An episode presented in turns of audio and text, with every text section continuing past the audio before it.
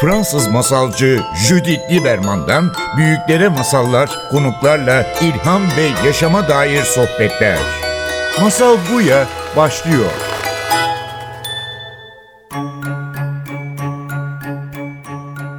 Masal Buya'ya hoş geldiniz. Bugün stüdyoda Evrim Ölçer Özüner'le beraberiz. Evrim hoş geldin. Merhaba Judith. Ve bugün beraber bu sohbetimiz için masal tabii ki bizim konumuz ama özellikle masal derlemek. Çünkü tabii ki birçok insanlar şu an Anadolu'da unutulmaya yüz tutmuş masalları derlemek istiyor ve sen o konuda bir uzmansın. Siz e, halk bilimci olarak köylere gidiyorsunuz, derliyorsunuz, bu masalları ve arşivliyorsunuz.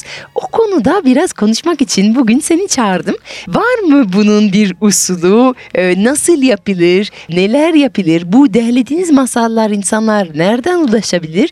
Buna biraz bizim konuşacağımız konular bugün. Ama ilk başta şeyden girmek isterim. Senin şu ana kadar senin değerli mi hikayelerinden en sevdiğin, değerlediğin masal ne olur? Çünkü sen çok köylere gittin. Ben evet çok köye gittim, çok yere gittim derleme çalışması için. Düşündüm şimdi sen söyleyince. Benim için en eğlenceli olanlardan bir tanesini paylaşmak istiyorum. Büyük bir heyecanla Romanya'da bir e, Türk azınlığın yaşadığı bir e, dağ köyüne gittik öğrencilerle birlikte ve diğer çalışma arkadaşlarımızla birlikte bir UNESCO projesi çerçevesinde. Ben masalları çok sevdiğim için 70 e, yaşının üzerinde bir teyzeye dedim ki teyzeciğim bir sohbet ilerledikten ve koyulaştıktan sonra tabii dedim ki bir masalın var mıdır bana anlatabileceğin? Dedi ki var tabii anlatayım kızım olur mu dedi. E peki dedim kayıt cihazımı güzelce açtım. Ne anlatayım ki sana dedi düşündü. En sevdiğin masalı anlat dedim. E, o zaman dedi ben sana Barbie ve Kristal Şato masalını anlatayım kızım dedi. Şöyle bir durdum. hani bir bilim insanı olarak e, derle e, nasıl yaklaşacağımı şöyle bir kısacık düşündüm. Sonra dedim ki teyzeciğim sen bu masalı nereden öğrendin? E televizyondan öğrendim ya kızım dedi. Torunum da izliyor ben ondan öğrendim dedi. Harika. Dolayısıyla bu unutulmaya yüz tutmuş masallar meselesi. Gidip böyle en otantik en güzel masalı ben bulayım da yayınlayayım meselesi gün geçtikçe daha çetrefilli bir hal alabilir. Tabii ki yani gün geçtikçe diyorsun çünkü televizyonlar artık en uzak köyüne bile ulaştığı için masallar değiştiriyor. Oysa ki belki 50 sene önce, 70 sene önce veya geçen yüzyıl değerleme yapanlar belki biraz daha has masallar bulmuş olabilir. Yani has mı değil mi bilmiyorum. Çok kültür dinamik bir şey biliyorsun. Sürekli değişiyor ve biz her zaman ah o nerede eski masallar diyeceğiz belki. Fakat bunları kayıt altına almak çok önemli. Biz Anadolu'da aslında çok erken dönemlerden beri masal derliyoruz. Masal derlemeciliği yeni ortaya çıkan bir anda mısır patlağı gibi görünür olan bir şey değil. Gerçekten Anadolu'da ve Türkiye'de bunun tarihi çok eski. 1800'lü yıllarda seyyahlar gelip İstanbul'dan e, Tales Told in the Coffee Houses adıyla da yayınlanmış kitaplar var. E, Radloff var, Ziya Gökalp var, Kunoş var. Pertev Naili Boratav var, Eflatun Cem Güney var. Özellikle böyle 50 ve 60'lardan sonra ciddi bir masal derlemeciliği söz konusu. Ayrıca Kültür Bakanlığı'nın e, bu konuda e, folklor uzmanları var, araştırmacılar var sürekli masal derleyen. Sonra Saim Sakoğlu var, çok önemli bir masal derlemecisi e, bizim halk bilim alanında. Yani şey diyebiliyor muyuz? Arşivler dolu taşıyor aslında var bizim arşivlerde masallar. O, olmaz mı? Olmaz mı? Hani e, arşivler dolu, araştırma merkezlerinin, üniversitelerin kütüphaneleri Ama devam dolu. ediyorsunuz değerlemeye ve sürekli aslında yeni masallar bulma fırsatınız var. Geçen dönem anlatıyordun bir tane öğrencin ha, evet. 120 masal bilen bir Büyük annem burada. Büyük annesi değil, annesiydi öğrencimin ee, ve Gaziantep'te yaşayan e, bir ailenin e, böyle çok da e, güzel bir insan bu masal anası. Tam bir masal anası ve belleğinde 120 masalı bugün hala cap canlı tutup anlatıyor olması bize çok heyecan verdi. Bu mucizevi ee, bir şey biraz evet, değil mi? Bu evet, çağında tabii. bu kadar televizyon, radyolara tabii. rağmen 120 Barbie e, konulu olmayan masallar hatırlıyor. Ee, ve biz e, öğrenci öğrencim e, Abdülkadir Önkol'la birlikte bir yüksek lisans tezi yaptık. O annesinin masallarını derledi.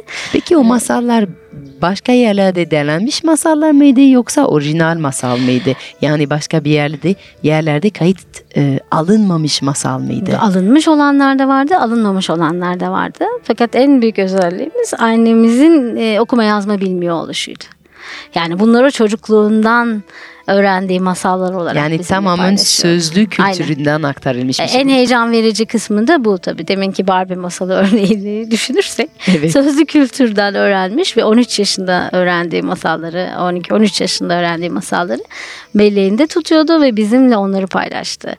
Şimdi aynı zamanda lisans öğrencilerle bazen e, köylere gidiyorsun ve orada değerleme konusunda dersler veriyorsunuz. Uygulamalı dersler veriyorsunuz. Değerleme yapan bir kişi belki bizi dinleyen bazı insanlar kendi annelerin ve büyük annelerin anlattığı veya babaları ve büyük ve dedelerin anlattığı masalları değerlemek ister diye düşünüyorum. O yüzden değerleme yaparken bir kişi neye dikkat etmeli? Ee, Şimdi derlemecinin üslubu, derlemecinin gittiği yerdeki hali, tavrı, giydiği kıyafet, onlarla bir sofraya oturması, aynı bardaktan su içmesi, aynı yemeği yemesi bunların hepsi bir bütün. Yani gidip de siz elinizde bir defter kalemle hadi teyze bana bir masal anlat. Teyze biliyor musun bir masal? Hadi dede sen de anlat. Aa anlatmıyor musun? Niye utanıyorsun? Utanma diyerek masal derlemesi diye bir şey söz konusu değil. Gerekirse orada o insanların hayatlarına gireceksiniz. Biraz onlarla hemhal olacaksınız. O insanları kabul edeceksiniz. Onların sizi kabul etmesini sağlayacaksınız. Güven çok önemli. Çünkü size o taşıdığı masalı e, ya da sözlü kültürün herhangi bir başka öğesini neden paylaşsın? Güvenmediği sürece. Dolayısıyla önce bir insani ilişki boyutunda üst ast ilişkisi yerine tamamen e, aynı düzlem içerisinde olduğunuzu anlatan ve bu m, aykırı bir iş yapmadığınızı hissettirecek e, bir ortam yaratmanız gerekiyor. Güven çok önemli. Biz hep alana o yüzden bir kolaylaştırıcı ile çıkarız. Bu kolaylaştırıcı bazen o e, teyzenin torunu olur, çocuğu olur ya da bir muhtar olur köyden. Yani sözü dinlenen, e, insanın güvenini sağlayacağınız Yani biriyle yola çıkarsınız. Böyle kapıya e, çalıp merhaba ben geldim. Hadi Benim- bana bir masal. Yok. Hadi bana bir masal anlat. Benim kayıt cihazım nerede diye. Benim bu değerleme konusunda Anadolu'da olan bir hikaye değil ama e, bir Fransız köyünde olan bir hikaye vardı. Bir antropolog dağ başında bir köye çıkar ama çok eski bir hikaye ve eşeklerle beraber çıkıyorlar ve onların kayıt cihazları o dönemdeki bant olduğu için oldukça böyle e, büyük ve e, hassas bir ekipman oluyor. Onlar işte dağ başında eşeklerle çıkıyorlar çünkü orada çok masal bilen bir anlatıcı olduğunu duymuşlar. Ve geliyorlar adamın evinde bütün malzemeler işte makineler e, ve o makineler onlar için o kadar ebatlı ve o kadar zor makineler ki adamla ilgilenmekten ziyade sürekli makineyle ilgileniyorlar. Sürekli kasklarla mikrofonlarla ilgileniyorlar. Çekiyor mu çekmiyor mu ve ondan sonra şey yaptılar tamam çekiyor anlat. ve adam şey dedi maalesef anlatamıyorum size. Çünkü benim dinleyicim yok dedi. Yani şey dedi Kime anlatacağım ki? Siz burada değilsiniz. Siz radyoları ve onlar kask taktiler. işte makineleri dinliyorsunuz. Beni dinlemiyorsunuz. Dinleyicim yok. O yüzden o gün hiç onlara masal anlatmadı. Tam senin söylediğin şey yani önce bu bağ yoksa niye makine için konuşsun ki bir insan? Aynen makine için konuşmazlar. Bir de sen de çok iyi bilirsin ki masal her anlatıldığında yeniden doğan bir türdür. Yani oradaki e, seni dinleyenle kurduğun bir ilişkiye göre de o anda masal yön değiştirebilir. Ya da seni dinleyen önemli birini, senin önemsediğin birine göre de, cinsiyete göre de değişebilir. Yani bazen küçük çocuklara farklı anlatırsın, büyüklere başka anlatırsın. Dolayısıyla o ortamı sağlamak e, ve masalcıyı biraz özgür bırakmak gerekir. Bir de şimdi önemli bir e, şeyden bahsediyorsun. Cinsiyete göre değişir masallar. Sürekli masal nineden ya da masal annadan bahsediyoruz.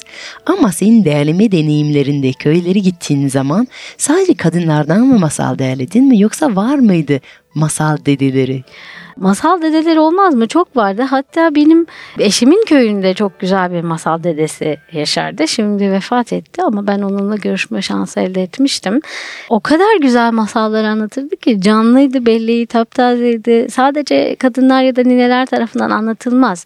Aynı zamanda gece kondularda araştırma yaptığımda da bir sürü erkekten üstelik de çok hani orta yaşlı dediğim dede olmamış insanlardan erkeklerden masal derlediğimi biliyorum. Evet benim Hatay'da da bir arkadaşımın amcası çok güzel masal anlatıyordu. Arapça anlatıyordu ama arkadaşım çok güzel derleme yaptı ondan. Başka neye dikkat edilmeli? Yani şimdi diyelim kendi amcandan ya da kendi anneannenden anlatacaksan zaten bağ burada. Ama kaydederken başka dikkat etmemiz gereken bir şey olabilir mi acaba? Demin de söylediğim gibi hani o insanla kurduğunuz aynı düzlemdeki ilişki ve o masal çünkü bir büyü yaratıyor. Bir aurası olan bir tür ya. O auranın içine sizi çekmesi gerekiyor ya. Siz de o aurayı aslında derleme ortamında yaratmanız e, gerekiyor. Mesela onun şivesine böyle mimiklerle bu ne ki dememeniz gerekiyor. E, aykırı durmamanız gerekiyor. Ya da çok makyajlı, çok süslü, takım elbiseli, kravatlı biriyle iletişim kurmak bir masalcı için her zaman çok kolay olmayabilir. Peki diyelim diyelim bizim dinleyicilerimizin maalesef belki ailelerinde masal bilen biri kalmamış olabilir. Bu da mümkün çünkü ben birçok insanlara görüştüğüm zaman çocukken bana masal anlatılmadı ya da ailemde masal anlatılmadı diye çok duyduğum bir şey. Diyelim size masal anlatılmadı, bize masal anlatılmamışsa bu Anadolu'nun masalları, sizin derlediğiniz masallar nerede bulabiliyoruz? Biz o masalları saklamıyoruz aslında. kitaplarda, e, arşivlerde gerçekten çok fazla. Mesela Pertevin Ali Boratav'ı biliyorsunuz. Evet. Masalları hep ortada. Çok güzel iki Bunu kitap tavsiye biliyoruz. edebiliriz hemen. Evet. Az gittik, uz gittik ve zaman zaman, zaman içinde bunlar... Ya da Nail... Uçar Leyli var bir de. Pertevin Ali Boratav'ın evet. Uçar e, Leyli masalı var. E, Kunoş'un masalları yeniden basıldı. evet, Kürk Türk, e, Türk masalları Kürk, adın evet. altında çok güzel tavsiye ettiğimiz bir masal kitabı. Bir de belki Billur Köşk masalları Bildir Köşk masalları çok iyi. Şimdi bizim Gazi Üniversitesi'nde bir hocamız yine güzel bir masal kitabı derledi. Ee, Anadolu'dan derlenen masallar diye Necati Demir'in kitabı. O da gayet e, der sahadan derlenen masallardan oluşuyor. Güzel bir e, külliyat. Hı hı. Ee, Onun bu, adı neydi? E, Anadolu'dan derlenen masallar. Hı hı. Ve bence çok çok sevdiğim Hasan Sarı Yüce'den Anadolu masalları da evet, mutlaka tavsiye evet. etmek isterim. Çünkü dili çok güzel ve orada da çok güzel Nail Pertev Boratov'un da derlediği gibi tekerlemeler ve formüller de çok önemli. Evet bir de böyle e, masallar hani derliyorsunuz ama derlediğiniz gibi anlatamayabilirsiniz her masalı. O yüzden hani önceden bilimsel olarak bilimsel olduğunu soruyorsan popüler bir tür olmadan sadece arşivde kalması için ağız özellikleri, dil özellikleri e, her şeyi koruyarak bir noktasını virgülünü değiştirmeden biz masal derlerdik. Ya da değiştirirdik kendimize göre. Şimdi ama e, arşive koyarken bana sorarsanız olduğu gibi derlemek lazım. Fakat masalcıyı baş başa bırakmak lazım orijinal masal metniyle.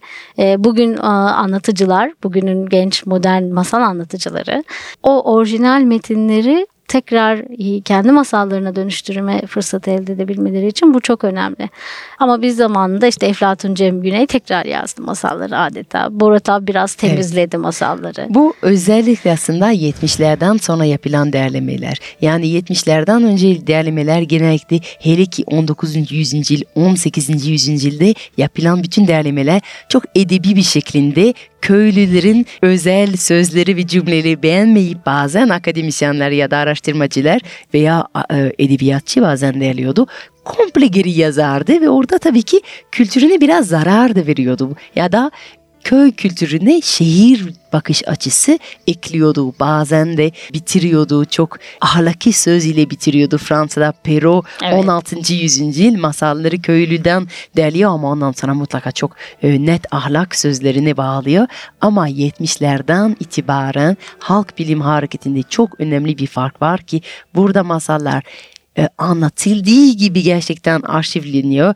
Virgülü hatta bazen küfürlü söz bile e, silmeden o yüzden bazen eleştiriliyor onlar için. Ama gerçekten orada has bir, e, otantik bir arşiv yaratalım ki Ondan sonra modern masalcılar onları alıp yeniden Evet. yorumlayabilsin. Mesela e, Saim Sakoğlu dedim, Esma Şimşek dedim. E, Bu tür e, halk bilimci hocaların masal külliyatları olduğu gibi Ali Berat Alptekin yine hiç değiştirmeden masalları sonra YÖK'e bakabilir arkadaşlar isteyenler. Ve YÖK'te pek çok masal var. Masalla ilgili yapılmış tez var. Gazi Üniversitesi Türk Halk Bilim Araştırma Uygulama Merkezi'nde çok fazla sahadan derlenmiş masal var. Konya'da yine üniversitenin e, arşivinde çok güzel masallar var. Daha pek çok yerde var. Şimdi hepsini sıralayamıyorum ama orijinal böyle Anadolu ağzından e, yerel e, kişilerden derlenmiş masallara ulaşıp herkes kendi masalını oradan e, çıkarmayı deneyebilir. Yani şu anda Barbie masalıyla karşılaşmaktansa hani gidip o orijinal masalları biraz daha didiklemek, onlarla hemhal olmak daha iyi olabilir diye Çok düşünüyorum. güzel. Bence bugün bu sohbetin sayesinde insanların bu Anadolu'da anlatılan masalları bulabilecek birçok kaynaklar verdik. Bunun için sana çok teşekkür ediyorum. Ha, ben teşekkür ediyorum. Ve istersen sohbetimizin devamı bir masalla devam edelim. Neden olmasın?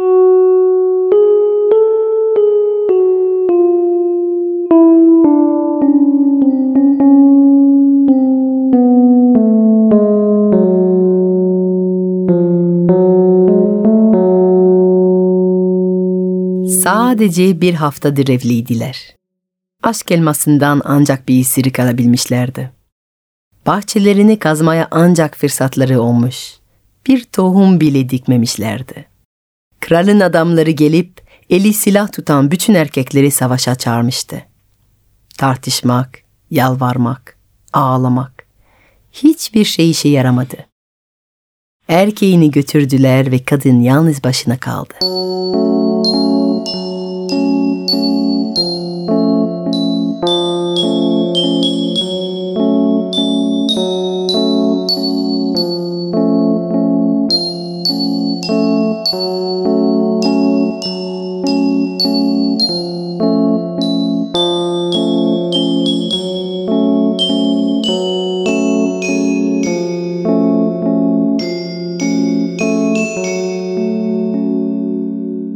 Kocasının dönüşünü beklemesi gerekiyordu.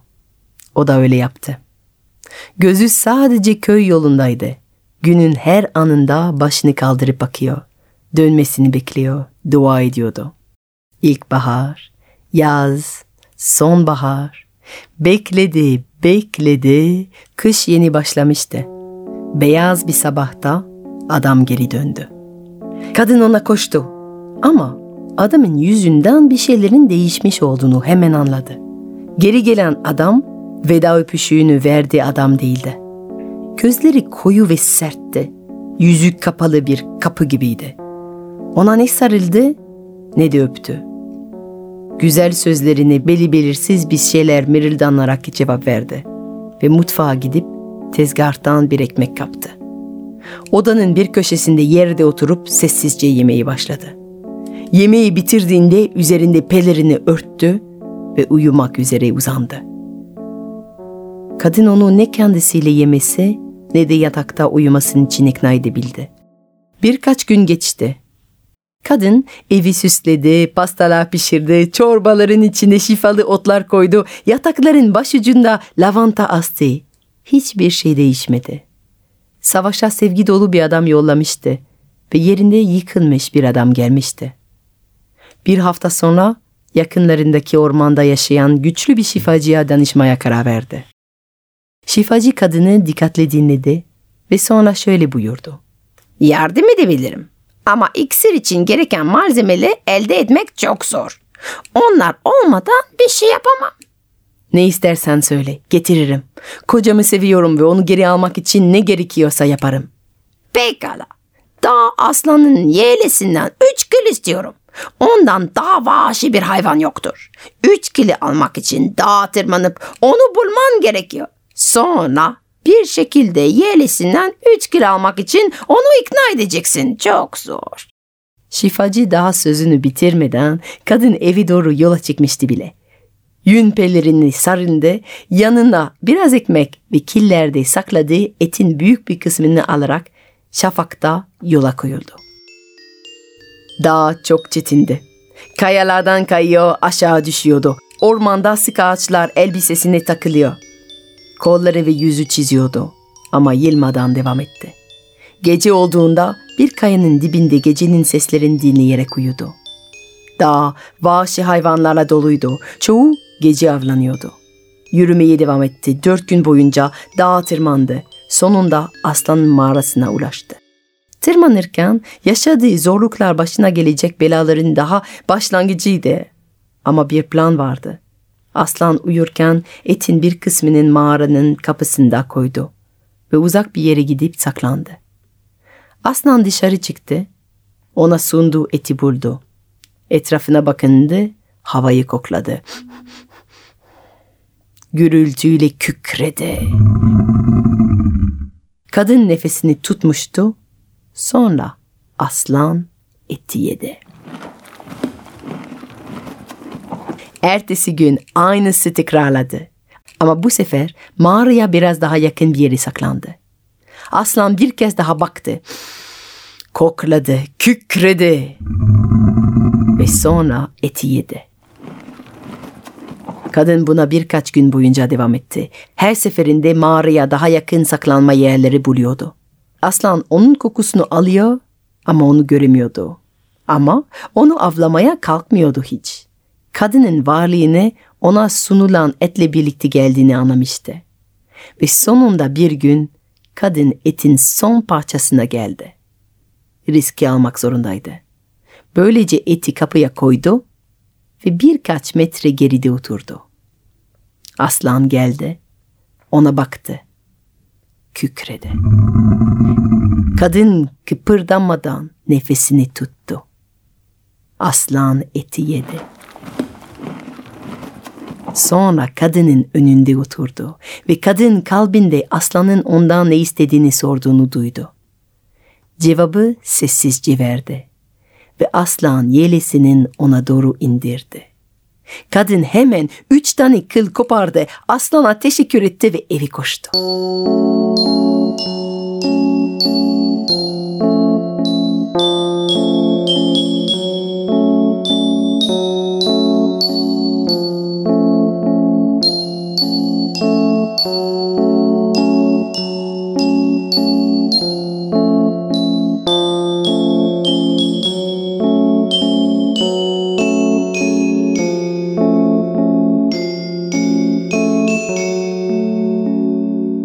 Dönüş yolu çok daha kolaydı.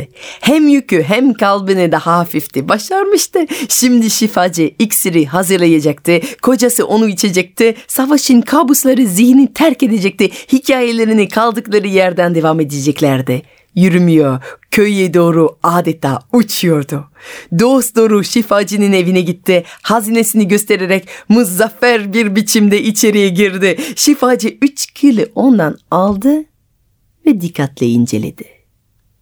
Çok etkileyici. Bunlar gerçekten dağ aslanının yelesinden. Tebrik ederim. Sonra camı açtı ve üç kılı havaya doğru üfledi. Kırlar uçup ormanda kayboldular. Kadın sen ne yaptın? Onlarla kocamı iliştirmek için bir iksir yapacaktın diye bağırdı. Ama yaşlı kadın sakin bir şekilde kadının gözlerinin içine baktı. İksir diye bir şey yok. Büyü diye bir şey yok. Kocanı, kocanı iliştirebilecek tek kişi sensin.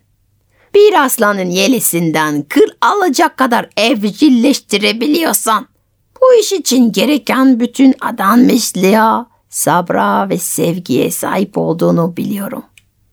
İyi şanslar. Hikaye kadının bunu nasıl yaptığını anlatmıyor. Ama kocasını yanında geri döndüğünü anlatıyor. Bir sonraki bahara bahçelerinde tohumlarını diktiklerini, kısa bir süre sonra da evlerinin olgunlaşan domatesler, kocaman parlak bal kabakları ve çocuk kahkahasıyla dolduğunu.